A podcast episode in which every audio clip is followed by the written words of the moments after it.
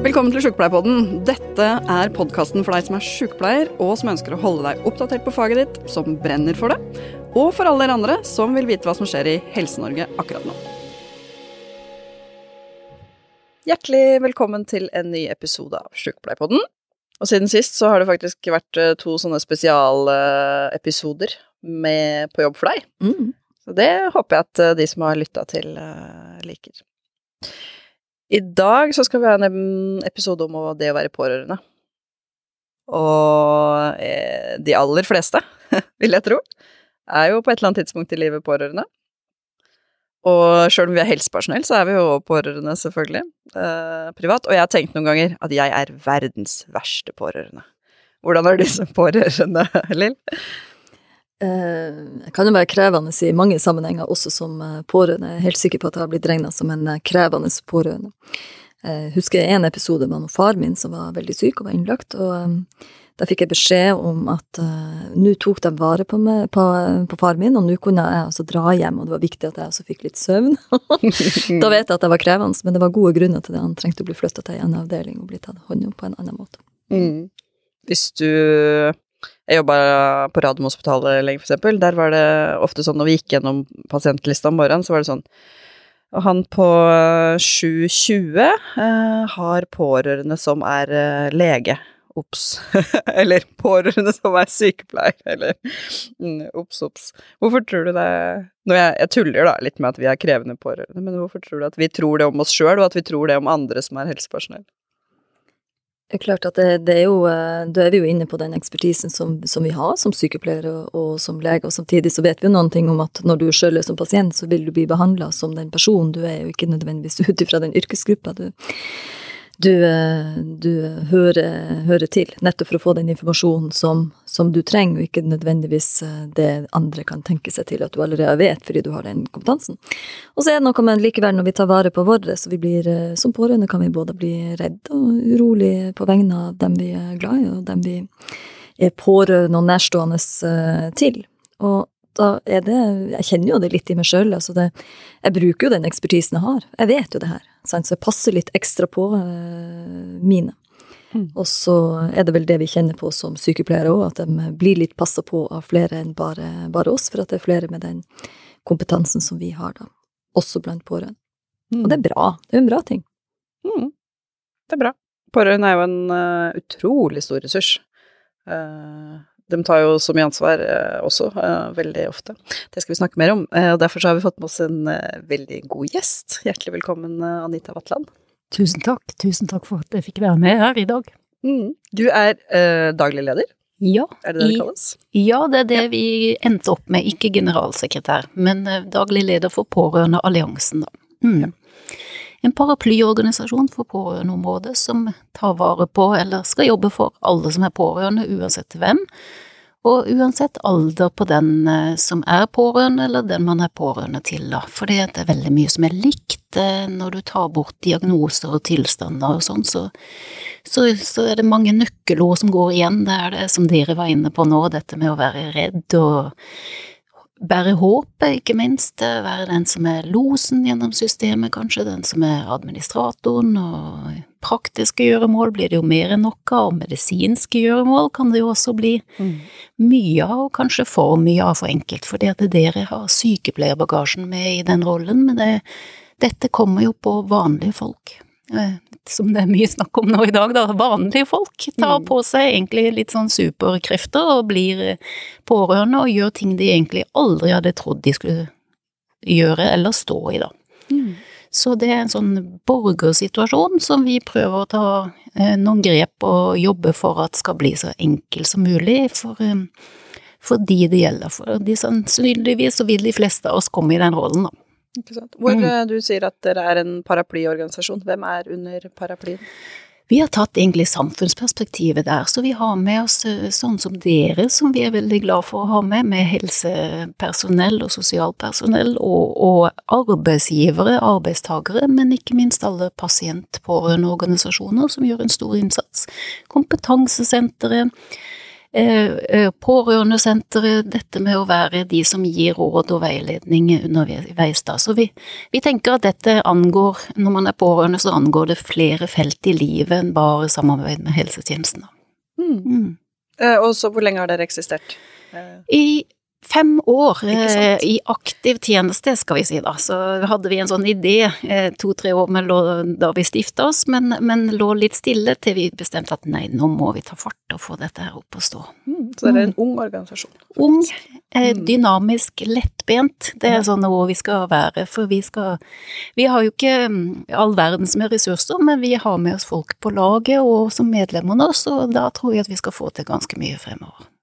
Mm. Ja, vi kjenner jo Pårørendealliansen gjennom at vi er en del av paraplyen, mm. har samarbeidsmøter med dem, gjør, har ganske, gjort ganske mye sammen med dere uh, i det siste. Ja, det har vi, og, mm. og det er vi glad for, fordi at det, det tror jeg er et viktig signal til de som er våre styrende myndigheter på store felt, både på helsetjenesten og ikke minst på arbeids- og sosialpolitikken, fordi Norge er jo et land hvor vi skal følge arbeidslinja, og vi skal egentlig balansere dette med å være pårørende, også med å kunne stå i jobb. Og over oss så svever det en sånn perspektivmelding om at vi skal jobbe mye, jobbe mer og heltid, mm. ikke minst. Mm. Og det skal vi kanskje balansere med å få noen som eh, blir eldre, syke, brukere av helsetjenester, og få dette livet til å gå opp, da. Uten at vi får det som vi kaller to for én eh, to pasienter ut av én situasjon. Mm. Så, så, det er der vi må være, være på plass, da, og være den eh, vi kaller det stein i skoen. Peke på at her eh, har vi en utfordring, men vi skal også alltid peke på løsninger. Mm. For det er ganske viktig for oss å ikke være en sutreorganisasjon, men en konstruktiv partner. Mm. mm. Eh, hvorfor er det viktig for Sykepleierforbundet å samarbeide med Pårørendealliansen, tenker du? Vi har veldig mye felles eh, nettopp på det samfunnsperspektivet på hvordan vi skal eh, ivareta befolkninga. Eh, vi er jo Vi alle sammen blir etter hvert, på et eller annet tidspunkt, så blir vi pasienter, vi er, vi er pårørende, vi er avhengig av de sterke offentlige tjenestene over hele landet. Så den politikken har vi jo felles. Og så er det Vi vet jo noen ting sånn som fra Sykepleierforbundet, og som sykepleiere så vet vi jo at når det er mangel på tid, og ressurser i helsetjenesten, så viser forskning at det første som sykepleierne da prioriterer ned, det er pårørendearbeid.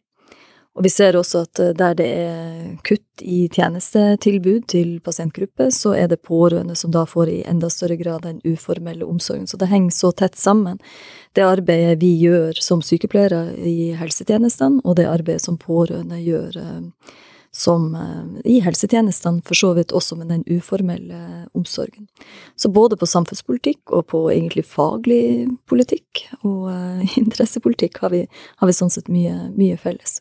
Jeg husker oppstarten deres, for på den tida så jobba jeg også um, i akademia, på, og jeg forska jo på pårørendearbeid og samhandling med, med helsetjenester. Så jeg var særlig opptatt av nettopp eh, det med pårørende sitt arbeid. Så jeg var så innmari glad når jeg da oppdaga Jeg oppdaga via Facebook, og dere hadde en sånn undersøkelse mm. som, eh, som, var veldig tidlig på, på pårørende sin belastning. På, mm. mm. Det var jo fordi at da vi begynte å jobbe, så fant vi ikke tall, og vi ønsker å jobbe kunnskapsbasert. Så, eh, så vi, vi, Ok, ingen har spurt. Vi får spørre. Hva er det de Hvordan står det til der ute? Kaste rett og slett temperaturmåleren ut i pårørendebefolkninga og si hvordan har du det? Og det var jo der vi fikk Vi fikk 10 000 svar, og jeg tror vi fikk 13 000 kommentarer. For det var jo som å stikke hull på en uh, ganske stor ballong, hvor folk uh, svarte endelig spør noen meg, noen er opptatt av å se hva vi har, hvordan vi har det, hva vi trenger, hvordan vi kan stå i dette, hva vi har erfart når vi har stått i dette, og så videre. Og uh, det har vi jo også tatt med oss, for vi, vi jobber jo også europeisk og, og, jobber med å se på hvordan dette er over hele Europa, for det er klart at det er en sånn felles greie med å være pårørende. og og Norge var siste land ute med en organisasjon som vår type, da. Så, så vi har jo offentlig god velferd som nå kanskje er i ferd med å få en litt annen retning, også fordi at mye skal skje hjemme. Mm. Eh, og da blir jo involveringa også fra pårørende større, og noen får kanskje større byrder, og, og, dette må vi gjøre så lett og smart som mulig. Så, Så vi har alt å vinne på å jobbe sammen, og også stå sammen mot kutt og, og det som skjer. For det at jeg tenkte på det når jeg satt og så på her nede på den fine videoen dere har eh, om eh, det, de gode møtene som man ser der. Det er jo de vi ønsker, det er jo det vi trenger i hverdagen. Men det er som du sier, Lill, det blir litt det blir for lite tid når man må haste ut og inn på stoppeklokka og ikke, ikke kan eh, ha tid til å ta vare på de som er der og som ikke går av vakt. Det er ganske viktig å få med seg, da. Så vi, vi støtter jo dere på det å få flere folk og få mer tid til godt pårørendearbeid, for det er en investering som vi tror lønner seg veldig. Mm. Det er klart Vi vet jo noen ting om kostnader med en sykehjemsplass. Eh, så det er klart at dess, eh, dess flere måneder, eventuelt også uker, man klarer å sikre at en pasient, en person med demens f.eks., skal kunne bli boende i heimen sin, som er et politisk mål, mm, av mange gode grunner, men, men, det er jo også et økonomisk mål, fordi det koster så mye med en gang du kommer på en sykehjemsplass. Der har jo pårørende et enormt uh, viktig arbeid. Og dermed er vi helt avhengig av at, at helsetjenesten samhandler godt med den, den, pårørende, og pasient selvfølgelig, men den pårørende, for å nettopp sikre at det skal være mulig at du skal kunne ha en god kvalitet på, på, pleien, men også at den pårørende sjøl skal klare den belastninga, oppleve, oppleve, mestring. Det kan være bra, pårørendearbeid er jo definitivt også bra, så, men det må oppleve det som givende og som mestring, og ikke som en sånn enorm belastning, og også en økonomisk byrde, som det òg kan være. Absolutt en økonomisk byrde, og særlig hvis det blir sånn at folk begynner å redusere og begynner å jobbe deltid og sånne ting, for der har vi jo gjort noen tall, vi tok tak i den nasjonale undersøkelsen og fikk med til å se litt på det, at vi kan miste ganske mange tusen årsverk også på folk som kompenserer for at det er for lite hjelp å få. Mm. Så i et sånn samfunnsperspektiv så må vi jo gjøre dette mulig å, å ta vare på folk uten å miste miste sin egen jobbtilhørighet eller inntekter, og det er jo også særlig et likestillings- og kvinnespørsmål, og særlig yrker som dere, dere, er i, hvor det ikke er så lett med hjemmekontor. Mm. Så må vi se hvordan får vi tilpassa dette, sånn at ikke det blir alltid de kvinnene som må jobbe deltid for å få uh, turnusen i heimen til å gå opp, og også blir fremtidens minstepensjonister. Det er vi opptatt av, for vi, må, vi, vi tenker at man må likestille den omsorgen med småbarnsomsorgen. Eh, fordi den blir like stor, eller om ikke større, i årene fremover med den demografiske utviklinga.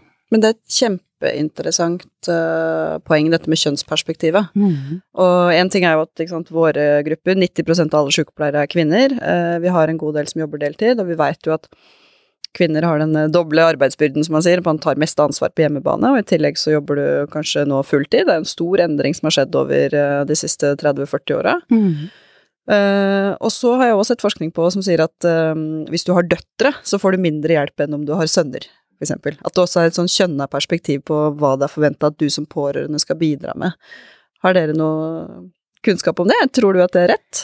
Det tror jeg er veldig rett, ja. fordi eh, det, det, vi, vi, får jo jevnlig drypp, og vi får sånn hvorfor snakker de til meg når min bror og jeg er der, eller hvorfor er det meg som får den telefonen når mamma har havna på akutt når eh, det er min bror som står opp først som nærmeste pårørende, altså mm. litt, litt, litt, sånne ting. Så, så, vi må jo også jobbe med holdninger eh, i systemet, og det er jo dette gamle ordtaket 'sons a son until he gets a wife, a daughter's a daughter all her life'. Altså skal vi ta tak i det også og, og lage like verktøy eh, fremover som gjør at dette blir som om man ringer far når barnehagebarnet er sykt, ikke sant.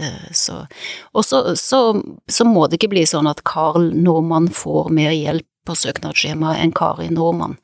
Vi må jo se på behovet. Mm. Det er jo den som er, har behovet som skal styre hva slags hjelp som tildeles, da, uavhengig av hvem som er pårørende rundt. Det er innmari interessant, for det er både internasjonal og nasjonal forskning som synliggjør at hvis du er hvis du er kvinne som eh, blir syk og trenger hjelp, og har eh, datter, mm. da får du aller, aller minst. Mm. Tjen, altså du får færre tjenestetilbud. Eh, mens hvis du er en mann og har en sønn, så, så får du mest. Mm. Og det har også betydning da for, eh, for når du får eh, plass på sykehjem, eksempel. Mm. Så hvis du er kvinne og har ei datter som de da av en eller annen grunn tenker kan bidra i større grad enn menn, så så er det en større belastning for de, de pårørende, og du får senere sykehjemsplass, eksempel. Jo, da fikk vi tall nå, jeg tror det var nesten åtte millioner kvinner som da har slutta å jobbe i løpet av pandemien i Europa på grunn av mangel på hjelp til syke og eldre.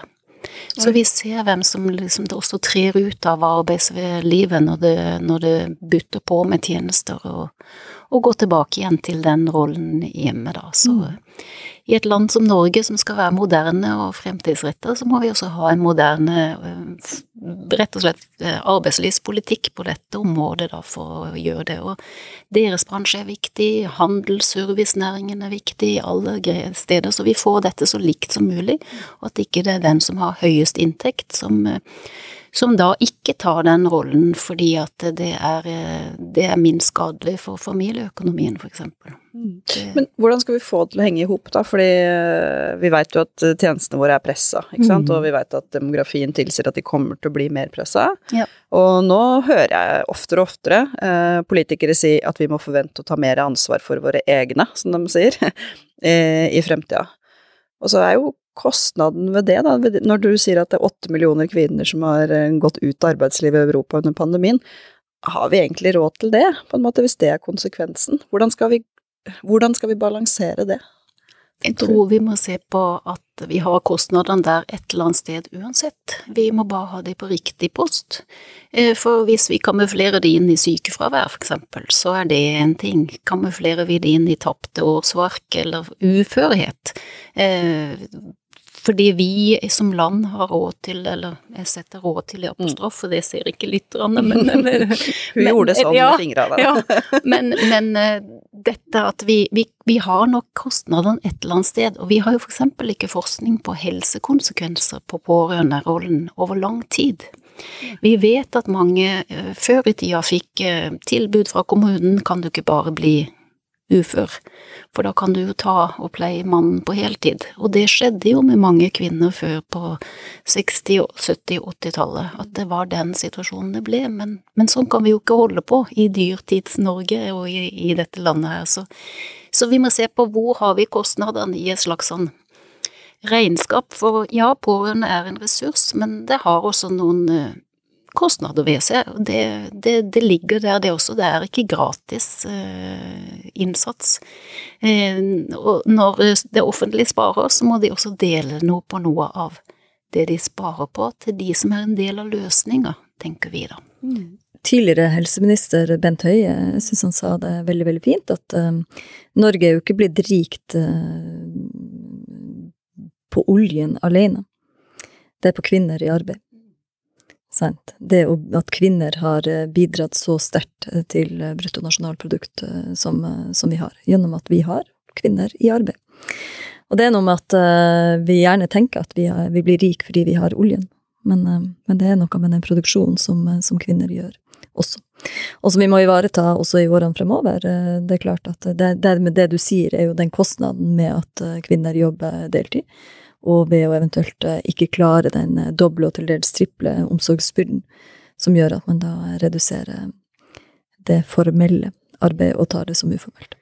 Og, og, man tenker også i en del situasjoner, der jobber vi mot de som jobber med fremtiden nå, da, fordi med teknologi og, og digitalisering så kan vi løse veldig mye. Mm. Men vi kan ikke forvente at det skal være pårørende som stiller opp på dugnad. De må også få en eller annen eh, mulighet til å være der med sine kjære, altså, og, og kunne gå tilbake igjen i arbeidslivet, på en måte. Så at man har noen sånne sidesporløsninger mm. som gjør det mulig, eh, uten å, å, si at ja, nå skal du bruke ferie eller avlastningsdager eller uh, annet for å, for å stille opp for oss, da, mm. siden mm. dere har det hjemme. Eh, den, den, tror jeg blir tøff. Vi vet jo i dag at det finnes leger på Ahus som, må, som bare får brukt 50% av kapasiteten, fordi pårørende har ikke råd til å ta seg ulønna fri fra arbeid for å være med på hjemmebehandling. Så vi må jo se på at hvis det spares totalt, så må noe av gevinsten også være virkemidler til de som er med på en sånn løsning, da, så ja. I tillegg til likeverdigheter i tjenestetilbud, som vi også mm. er opptatt av. Det er klart at eh, det vil jo være en forskjell om du har en eh, pårørende som, eh, som er helsepersonell, Og nå er jo veldig mange av de som tar et eh, stor grad av uformell omsorg, er faktisk også helsepersonell. Eh, Men uansett, det vil jo være forskjell på hvem er det du har som pårørende, for hvordan de er, har mulighet ut ifra sin kompetanse og hjelp. Og det er derfor man må unngå at det blir en dreining til eh, bo trygt hjemme med hjelp av den såkalte fornybare ressursen som pårørende skal være. Det er fornybar ressurs, det husker jeg som begrep, jeg tror det er demensplan eh, Ja. det står. Vi Jeg husker var, jeg reagerte sånn på det. Vi var også inne og sa det, men vi har gått bort fra det. For at har du blitt ufør, så er du ikke fornybar, ikke sant. Så, så der, er- det, det må det, det, det, Nei, nei, det kan vi faktisk ikke si. Pårørende var en fornybar ressurs. Ja, ikke Mm. sant. Og Ja. det, det, det, det tenkte vi at det, var jo det grønne skiftet, at man kan jo egentlig snakke om at man skal ta vare på og ikke bruke opp ressursene sine. Mm, ja, nettopp. Men har du altså en fornybar ressurs, er du ikke hvis du er helt utslitt og, og, og er, eh, blitt pasient nummer to av den situasjonen. Og så er det noen ganger som man tenker at pårørende, nei, de har jo ikke noen egne helseplager. Jo, de kan jo ha det òg, ikke sant. Det kan jo med årenes løp et eldre par, faktisk den ene kan jo være syk, han eller hun også, så, så, som, er- så, som blir tenkt til at også skal passe på den andre. Så vi, vi, og litt lille det du sa, vi må jo ta praten sammen. Det er jo det vi er opptatt av når det skal bli langvarige pårørendesituasjoner. At ok, vi tar en prat, hvordan, hvordan får vi dette til i livet ditt? Um, avtale kanskje hvem som gjør hva, eh, hva gjør dere, hva gjør vi, kan vi sette en fot i bakken om tre måneder, Eh, stemme av kart og terreng, kan vi fremdeles fortsette på denne måten her, eller er du i ferd med å bli utslitt, eller kan noen andre ta over? Altså, jeg tror vi må mye mer i dialog fremover for å få denne, dette laget rundt pasienten og bruker til å fungere sammen. Men i de undersøkelsene når dere spør pårørende, hvordan opplever de at eh, det er? I hvilken grad blir de involvert og informert uh, i møte med tjenester? Det er jo avhengig av eh, hvem du møter, dessverre mer enn systemet noen ganger. Og så er det jo noen siloer og sånn innad i kommuner og andre tjenester som gjør at det blir veldig vanskelig å jobbe på tvers. Mm. Og få til gode samhandlinger på tvers rundt det som trengs rundt noen. Så jeg tror det er der det er de gode, store frustrasjonene som vi må på en måte kunne ha litt mer sånn libero-rolle. Eh, folk som løper litt fritt og sier at nå må vi pakke på det som trengs her rundt. Og det tror jeg faktisk kommunene kan spare på. At de tar en mer sånn der ok, nå kommer det noen som får en ny livssituasjon her. Vi møter opp alle mann alle, sjekker ut, stemmer av, hva, hva, hva, og så er det det som trengs for, for å gå videre. Fordi vi har så mange som sier at ja, de tilbyr meg omsorgsstønad, eller de tilbyr meg sånn, men de har ikke spurt om jeg for eksempel heller kunne trengt vaskehjelp. Mm. For hvis jeg da fikk vaskehjelp, eh, så hadde det gjort livet litt enklere akkurat nå. Jeg har ikke lyst til å ha omsorgsstønad for å, å sitte og være helt utslitt allikevel. Det er jo noe av det praktiske vi trenger hjelp til. Så Mm. fleksibiliteten og fantasien tror jeg vi må utfordre hverandre på fremover for å finne gode løsninger. da. Mm. Mm. Og det er klart, pårørende ve- vet ikke nødvendigvis, de kjenner ikke nødvendigvis til systemene i kommunen for hvordan, eh, hvordan, eh, hvordan du søker om de ulike tjenestetilbudene. Hvis det da ikke er den, den, den eh, kommunikasjonen imellom, så får du de her litt sånn vanskelige situasjonene. Jeg husker fra min forskning også, så jeg husker jeg ei dame, det var eh, som beskrev eh, at hun hadde jo snakka med kommunen fra starten av, at hun kunne prøve å ha mannen sin hjemme litt lengre, ikke sant. Men så på et eller annet tidspunkt så sa hun ifra om at vet du hva, nå klarer jeg ikke mer, da, da, har, du, da har dere to pasienter snart. Mm. Men, men hun visste jo ikke at da begynte jo søknadsprosessen, ikke sant. Og det var jo ikke noe sykehjemsplass der, sant. Da var det jo et langt lerret å bleke for å få eh, hjelp, egentlig, for de hadde ikke de ressursene, og ikke planlagt for noen ting. Så det å starte egentlig i Når du vet om en sykdom som vil utvikle seg i en retning, at man kommer tidlig i kontakt med, med helsepersonell og kan legge en plan eh, for, eh, for den, den, den prosessen som det vil bety med samhandling med pårørende, men også for eventuell eh, helsehjelp eh, både i og utenfor institusjon. Det er utrolig viktig det du sier der, for det går på det der å få informasjonen opp og fram. Og det så vi i den siste nasjonale undersøkelsen, at det der de etterlyser eh, informasjon, rettigheter og muligheter. Mm.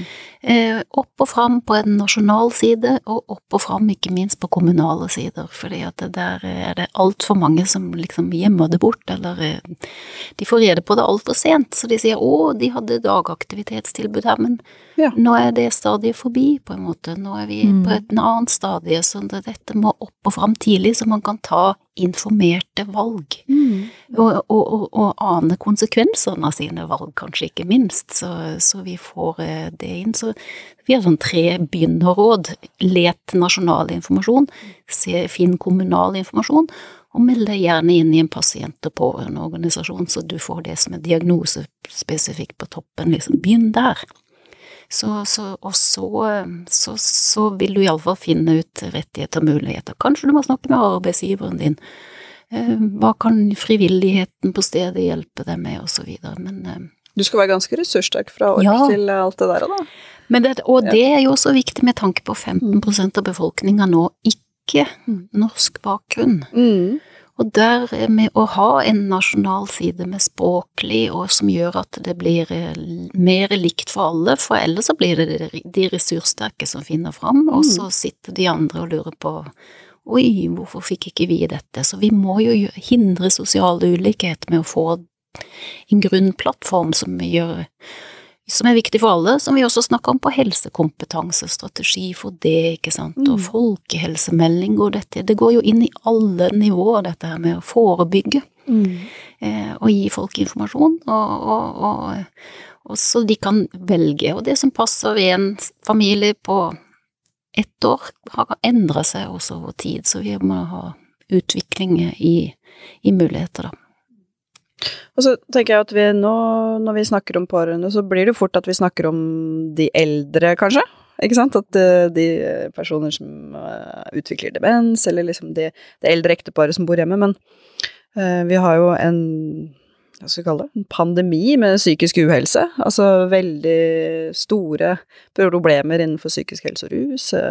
Løvemammaene, som er en organisasjon for barn med Ja, de er vel kanskje mer i sånn palliativ fase, de, de familiene som eh, representerer Løvemammaen. Men det er så mange som er så tydelige på at det å være pårørende, uansett hvilken del av livet du er i, da, uh, har egne utfordringer.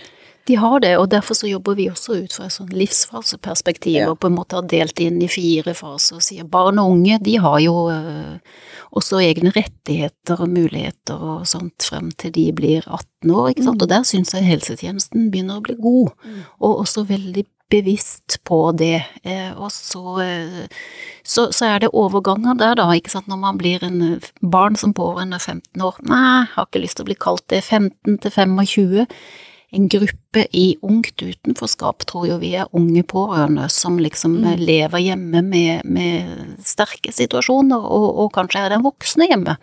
Tar mm. mye større ansvar enn det de burde, og kommer ikke i gang med sitt eget liv. Eh, så den gruppa har vi jo fått løfta opp og fram, og det kommer nasjonale tall på den nå over jul. Det blir veldig bra. Spennende. Ja, og så har vi da oss, oss middelaldrende, som er den store gruppa, som er 60 sånn, som så har pårørenderoller i alle retninger, enten til voksne barn, som er da over 18, eller egen partner eller generasjonen over. Mm. Og så har du pensjonistpårørende, som nok vil øke veldig. Men eh, det er noen sånne særutfordringer unge skal forholde seg til skole og studier og lånekassa og livet sitt med alt på toppen. Mm. eh, og så har du eh, oss voksne som eh, enten har rollen med oss, eller plutselig får han, eller han kommer sakte på, ikke sant. Det er jo ikke noe som er likt, men det er noen fellestrekk, da. Mm. Så så dette må vi på en måte bare ta, tenker jeg, fremover, og vår jobb er gjort den dagen vi klarer å tenke konsekvenser for familie og pårørende inn i helse- og sosialpolitikk. Da begynner vi å liksom ha kommet på plass. Hm. Jeg snakka med en uh, mann her om dagen som, um, som beskrev at han, uh, han, hadde alltid tenkt og trodd så godt om uh, helsetjenestene. men det er klart, det her var en mann i 50-årene ish som hadde eh, Altså, det, det kjennskapet han hadde til helsetjenester fra før, det var med akutt sykdom eh, og akutte deler av tjenesten vår. Så han fikk ei datter med spisevegring, spiseforstyrrelse. Alvorlig. Og dattera var i slutten av tenårene, og de hadde to barn som var yngre. Og som han beskrev altså det møtet med helsetjenesten som var helt annerledes når det gjaldt de her type sykdommer, som endte opp med at både han og hun, var, altså både kone og mann i denne familien, var sykemeldt. Langtidssykemeldt og etter hvert over på avklaringspenger. Eh, begge de to barna som var yngre, ble jo òg syke, egentlig. ut av det. Altså en syk familie, det er ikke bare den, den eldste dattera her som var syk, hele familien blir syk. Og som han mente, de fikk ingen hjelp til dem som pårørende. Det var på en måte hun som nesten voksen barn mm. som, som, fikk den, den hjelpa, og det var bra, men likevel, dem som pårørende var helt hjelpeløse i en helt vanvittig situasjon. Så det å prøve å ivareta som en hel familie og egne barn, og samtidig seg sjøl, og samtidig klare å følge opp det her barnet som er så sykt, så noen helt hjerteskjærende historier han, han beskriver. Og så er, vi, vi kjenner jo igjen som sykepleiere òg at det er klart at der vi virkelig har boosta helsetjenestene våre, er på de akutte, og der du kan ha en sånn type enklere forløp, egentlig. Mens på kronikerne og på, på psykisk syke, rus- og avhengighetslidelser, der sliter vi. Og det er klart, her får enorme konsekvenser også sånn, altså for familie, men for samfunnet òg, når vi ikke ivaretar familiene på den måten. Det, det, gjør det, og det er noen ganger jeg lurer litt på hvor, hvor mister vi det perspektivet der i, i, i å ivareta familien? Hvor, hvor, glapp det, på en måte? Eh, fordi det, det, er jo sterkere til stede i noen deler av helsetjenesten enn i andre, så, så, det er klart at alle har kanskje behov for å ta en kikk på seg sjøl og se det etter hvordan er det vi jobber med med pårørendeperspektivet hos oss, og, hva kan vi gjøre for å forbedre. Men det er jo ikke tvil om at det også må opp på øverste nivå og plasseres både tid og ressurser til det. Også kanskje noe så enkelt som takster og, og, og rom for å få familiearbeid inn på agendaen i en systematisk måte, sånn med, med rammer for det. Ja, for det tror jeg er en kjerne, da. For jeg tenker på min egen erfaring som sykepleier, så hvor er det, ram, hvor er det rom mm. for å ta ansvar for de pårørende? Ehm, det er ikke systematisert, er min erfaring, og det er ikke finansiert. Og det er jo ikke tid til det. Og hvem er det som egentlig har ansvaret? Hvem skal ta den koordinerende rollen? Mm. Og så vidt jeg vet, så er det vel ingen som har det. Altså kanskje fastlegen skulle tatt det ansvaret, jeg veit ikke. Ehm. Jeg tror man kunne registrert eh, altså innland koding for pårørendesituasjonen hos fastlegen som gjør at det kan følge vedkommende og kanskje gi deg noen muligheter til å både frisklivstrene eller en psykologsamtale og, og sånne ting kan jo være fint for den enkelte. Mm. Og så må det på tjenestenivå være noen som har ansvaret, som du sier, mm. for ellers så blir dette sånn vandrepokal som, mm. som går rundt, og så er det ildsjelsbasert, og det vet vi at det det forsvinner. Eh, også når tilskudd forsvinner, for så mm. vidt, som man kanskje har søkt på. Så jeg tror vi må plassere et ansvar på systemnivå. Mm. Vi har plassert barneansvarlig personell på systemnivå. Du finner en på sykehus i, i stab, i ledelse, som har det ansvaret, og en pårørendeansvarlig opp i helseforetak og ut i en kommune, tror jeg er helt nøkkel. For ellers så kan vi snakke om strategier og reformer og sånt til vi blir blå, men det er jo noen som skal følge opp og følge med også der ute at de faktisk implementeres. Mm. Og at det er tid til å se familie og pårørende i det som gjøres. Eh, og så tror ikke jeg det vil ta veldig mye tid, for jeg tror mange får en god samtale som stat, eller en eller annen de vet de kan ringe til, så er det mm. mer enn nok, det. Mm. Men når du ikke vet det engang, så tror jeg det blir mye unødvendige gnisninger i systemet som kunne vært gjort uh, smartere, da. Så en pårørendekoordinator på lik linje vi har en demenskoordinator eller en kreftkoordinator, så kunne man egentlig i kommunene hatt en pårørendekoordinator? Det må de gjerne ha, men jeg tror du må ha ansvar oppe hos eh, kommunal og helse, eller hvem det er som har helseansvaret i kommunen, at det sitter noen der og faktisk følger med. Har vi gjort noe med pårørendeveilederen? Mm, mm. Har vi tatt det, hvordan følger vi opp den der lov om økt pårørendestøtte hos oss? Hvordan ser nettsidene våre ut når det er pårørende? Altså en som holder i det, fordi det er jo 50% av hjelpa. Altså, jeg ville jo gjort noe for å tatt vare på 50% av hjelpa. det, det smarte kommuner, tenker jeg, gjør det for å, å beholde den. Ja. Eh, og ikke miste en skattyter, men eh, heller å få en eh, Nav-klient i stedet. Ja, ja. Ikke sant? Få en bruker til som skal serve. Men eh, altså, det, når du lager eh, lister til hjemmesykepleien, for eksempel, så er det jo, det er jo alltid sårstellet til fru Hansen.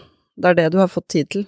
Det er jo ikke noe rundt, på en måte. Det er mulig at det kan legges inn på noen måte, eller på en sykehjemsplass. Så er det jo heller ikke lagt inn tid til at uh, de som jobber på sykehjemmet skal uh, bruke tid på de pårørende. Det Nei, eh, det, det kunne vi Altså, vi ble jo flinke til noe under pandemien, og Ja. kanskje man kan ta en telefon eller et Teams-møte og si hei, du sitter i en annen by, kanskje også, for det skal vi jo ikke se bort ifra at det er noen som bor et stykke unna. Det gjør vi jo veldig mange av oss. Absolutt. Og sier at eh, hei, hei, det er meg som er primærkontakt, og sånn og sånn, og så må, det jo, må man jo ruste opp eh, muligheten til å ha en god dialog, og så tror jeg det, det blir ikke så krevende som man tror Mm. før man har tenkt det, fordi jeg tenker det er litt som den samfunnskontrakta vi har som foreldre. Mm. Samarbeid med skolen. Vi vet hvem som er læreren, vi vet hvem som er FAU og litt sånne ting, så går vi dit når vi kan, men vi er jo ikke der hvis vi ikke må. Men på skolen så har jo jeg en app på telefonen Mm. min hvor jeg kan kommunisere med læreren, og jeg vet hvem jeg skal ringe, og vi har faste foreldremøter. Men eh, vi er jo veldig, veldig dårlige på det i helsetjenesten, og har også disse verktøyene for å snakke sammen, som du sier, da. Det tror jeg vi kunne, altså man kunne stjelt litt fra Steal with pride fra hvordan mm. samarbeidet med skolen er på de stedene hvor det er mulig å gjøre, selvfølgelig det er annet lovverk og regelverk og sånne ting, men, men vi kan bli bedre, og med muligheter digitalt fremover, så tror jeg det er veldig mange som ville sette pris på bare å få den muligheten til å vite at har du spørsmål, så er det vi som er her. Men litt av greia er jo nettopp så altså Doktorgraden min heter jo eh, 'Speaking on behalf of'. Eh, For det ligger jo nå i det, ikke sant, så lenge det er barn, så har du en rettslig eh, mulighet til å snakke på vegne av. Det har du ikke som pårørende når det er over 18 år, og egentlig tidligere òg når det er barn. Da skal du ha godkjenning. Eh, Og hvordan setter du det? Og en del av det sykdomsbildet som både innenfor rus, eh, psykisk uhelse, demens, eh, er jo ikke nødvendigvis at sykdomsforståelsen hos den som er syk, er Nei. Sant? Du, har ikke du har ikke nødvendigvis en forståelse at du er syk. Sant? Så hvordan får du da den rettslige godkjenning til å speak, altså snakke på vegne av? Ja. Og det er en del av problemet, og dermed er du inne på hva har du som helsepersonell lov til å videreformidle? Eh, Jeg husker en av de her informantene mine som beskrev at de, de skulle ønske at eh, det bare hadde vært om så en notisbok eh, liggende på, i heimen til det, det her var en far. Sånn at eh, helsepersonell bare kunne skrive at de hadde vært der som et minimum, ikke sant. Sånn at hun visste ikke det engang, så hvis hun kom inn da på ettermiddagen og spør faren sin har du hatt besøk av dem, han ante jo ikke, han hadde hatt besøk. Visste ikke hva som var gjort, ante ingenting om hva som skjedde videre, ikke sant. Så det er noe speaking on behalf of, og rettslig vurdering av det, og hvordan man får til, um, til det når folk ikke regner seg for å være syke, er en del av problemet. Veldig, jeg skjønner det. Skjønner veldig godt, og vi får høre mye om de utfordringene som ligger i det, og så ser vi det jo også nå kommer behov for på digitalisering, ikke sant, Representere representere eller på vegne av perspektivet, som jo også mangler eh, når vi nå lager mye digitale løsninger. Du kan registrere deg på Helse Norge, ikke sant, eh, og gå og hente medisiner, men oi sann, den ene apotekkjeden har jo helt annen fullmakt i siste leddet som den andre, så vi må jo også tenke det da inn i i den digitale grunnmuren som må være til stede rundt omkring da. Og så sier vi ofte, og det tror jeg kanskje sånn for deres gruppe, altså man bryter ikke taushetsplikten med å lytte. Og noen ganger så er det bare pårørende de trenger å bli hørt. Mm. Det, det er jo ofte det vi, vi, vi erfarer at sier at oi, det var noen som hørte på meg. De, de, de tok meg, og det, den, de 20 minuttene kan være en god investering for for å få det samarbeidet videre. Det tar en helt annen retning, og, Mm. og, og som oftest er det bedre, da. Så, så, så det er jo det vi må jobbe for sammen, at vi får tid til hverandre, fordi at vi er laget rundt den det gjelder, og så, og så legge så gode vilkår for den ramma der som mulig, uten at eh, helsepersonell blir utslitt, og at eh, pårørende blir den neste pasienten. Hvis vi skal si det veldig enkelt, da. Dere to har jo vært en del av en offentlig diskusjon eh, de siste ukene om mm. et eh, sykehjem her i Oslo, eh, hvor pårørende eh, Hvor det har vært klager fra pasienter og pårørende, og eh, hvor de ansatte da eh, gikk ut og sa i stedet for å eh, klage, kanskje dere som pårørende kunne eh, hjelpe oss. Og så har eh, Lill har vært eh, en del av diskusjonen her knytta til liksom bemanninga i eldreomsorgen, og så svarte du Mm. eh, også på vegne av ja, fra pårørendeperspektivet, da. Mm. Om den innfallsvinkelen kan dere ikke bare hjelpe oss i stedet for å klage. Kan du Ja. ikke bare reflektere litt rundt eh, hva du tenkte når du så hva de ansatte Ja. sa? Ja, jeg tenker at det er ikke uttrykk for alle ansattes eh, holdninger på det stedet. Jeg tror det var noe, noen spesifikt, og jeg tror det er en frustrasjon som, som kommer til syne også fordi vi, vi som vi skrev, vi, vi er på samme lag. Eh, begge er like frustrerte over at det blir lite tid og ressurser til å gjøre det som kreves, og for enkelte som trenger mye mer tid og, og kompetanse for å få til en god situasjon. Og så, og så er det da lett at man, man bites uh, istedenfor uh, å si det at oi, dette her er jo felles problem. Så det var det jeg ville si, at det, og, og, og istedenfor å gå til avisen, så er det dessverre ofte avisen som, som tar en sånn sak, for det første, og man har ikke noe man skriver en melding, en e-post, og får beskjed om å klage til pasientombud eller til en eller annen etat, og så, og så får du beskjed om at ja, men da må det til statsforvalteren, og og så er vi der, på en måte. De, de som tør å stå fram og si noe, de er modige, og de er kanskje én av ti. Eh, så, så om pårørende kommer inn og kompenserer for um, det som skulle vært gjort, så er ikke det noe løsning på problemet. Problemet er jo at det er for lite bemanning og, og tid til å ta vare på folk, og det var det vi prøvde å gi uttrykk for der. Vi er på samme lag, og, eh, og også en del pårørende som trenger den, altså de pausene på sykehjem for å faktisk stå i det sjøl, og kanskje man skal få lov til å bare sitte og nyte en kopp kaffe og en konfekt som man gjerne tar med, eller blomster som man ordner, og, og, og vite at nå er han eller hun ivaretatt, og jeg kan ta litt vare på meg sjøl også, fordi det er mange etter pandemien, mange slitne pårørende der også, så Lill brukte kode rød, riktig ord, og kode rød er også for en del som, som kan bli pasient nummer to, hvis vi ikke tenker sånn da. Så det er jo ikke smart for samfunnet i det hele tatt å spare her. Det blir kostnad senere, det er jo det som vi må formidle. Hva er kode rød, Lill? Du brukte kode rød som Du sa at det er kode rød. i kommuner over eh, hele landet når vi snakker om helsetjenester, det er den mangelen på sykepleiere og helsefagarbeidere som vi har. 6600 er vel Nav sine tall av mangel på sykepleiere, og 2600 på helsefagarbeidere. Vi vet at den største mangelen er jo nettopp i kommunene. I distrikter, men, eh, men også her. Det her var jo et syke, eller et helsehus i Bærum, mener jeg. Sånn, I Oslo. Så um, det sier noen ting om, um, om, om den massive mangelen på, på faglært og livsviktig kompetanse, som, uh, som selvfølgelig får konsekvenser uh, for pasienter og for pårørende, som uh, nettopp trenger treng de samtalene og de 20 minuttene som Anita her beskriver, men også den informasjonen og orienteringa. Både om pasientsituasjonen, men også om hvordan de sjøl kan få, få den hjelpa de, de trenger. Konsekvensene det på, konsekvensene på sykepleiermangel er det jo det, både pasienter og pårørende som bærer, og selvfølgelig også de ansatte som opplever at de ikke lenger får muligheten til å gjøre jobben sin sånn som de vet de burde. Mm. Så kode rød er jo et det, det er rett og slett en beskjed til en regjering og lokalpolitikere om at de er nødt til å håndtere den, den massive mangelen, og gjøre tiltak på det. For at det er klart vi vet noe om situasjonen per nå, og allerede i 2030 så vil det tallet være oppe i 46 000 sykepleiere og helsefagarbeidere som vi mangler. Det sier det seg sjøl at det pårørendearbeidet blir også en langt større belastning enn det er i dag. Og Anita kan si mye om at det er en stor belastning allerede i dag. Vi, vi får Helsepersonellkommisjonen som kommer med noen løsninger da, på det du beskriver nå, forhåpentligvis. Mm. Uh, men jeg, vi kan jo anta at de kommer til å peke på frivillighet og, og pårørende som en del av løsningen i framtida.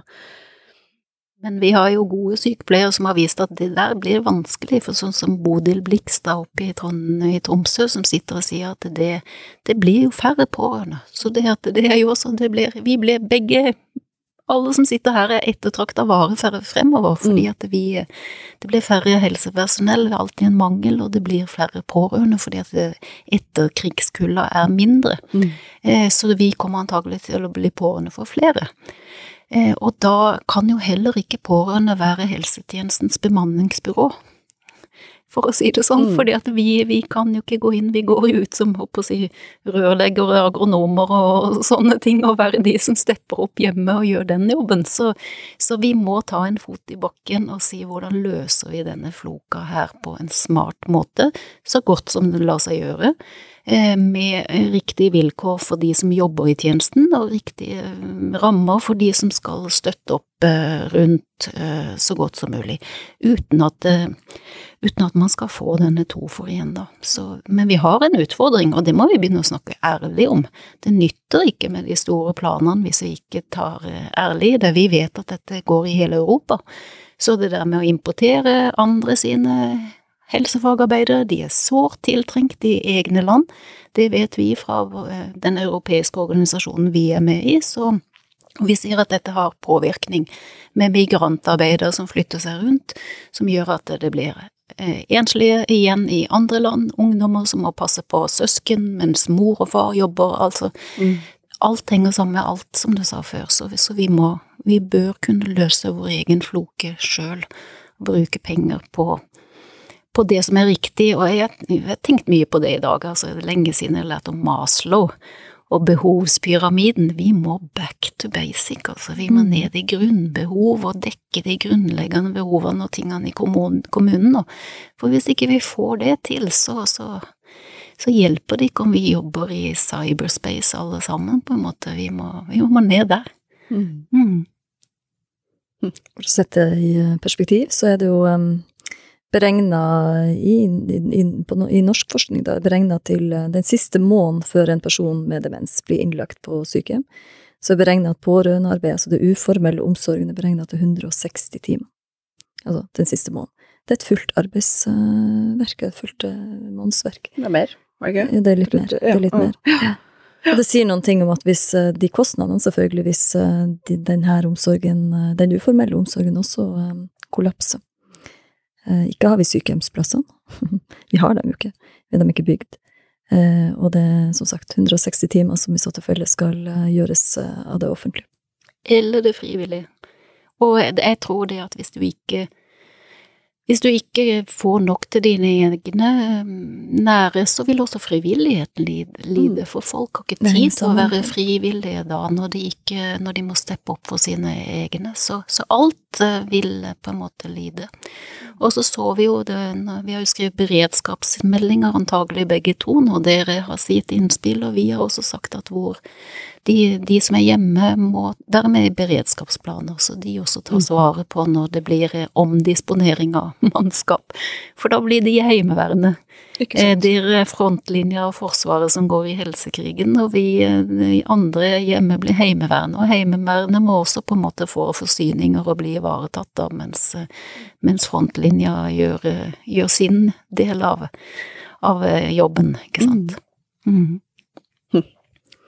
Nei, pårørende det er utrolig eh, viktig arbeid som gjøres av pårørende over, eh, over, hele landet, og det er utrolig viktig arbeid som gjøres av Pårørendealliansen. Tusen takk for det samarbeidet som vi har eh, med, med dere, men, men, ikke bare på vegne av, av oss, men det er, et, det er utrolig viktig for det samfunnet som vi, som vi har, og som vi forhåpentligvis skal ha i årene fremover også så er vi glad for at vi også har styreformann og da fra mm. Sykepleierforbundet, at dere stiller ressurser til rådighet for det med å få med begge perspektiver eh, videre. For det, det vil bare styrke arbeidet, tenker vi. Mm. Mm. Tusen eh, takk for at du tok deg tid til å komme til Sykepleierpodden, Anita. Mm. Da tror jeg kanskje at dette er vår siste podkast før uh, jul. Mm. Men uh, vi kommer tilbake etter jul, og det kommer noen eh, episoder, eh, spesialepisoder med På jobb for deg også. Så da snakkes vi.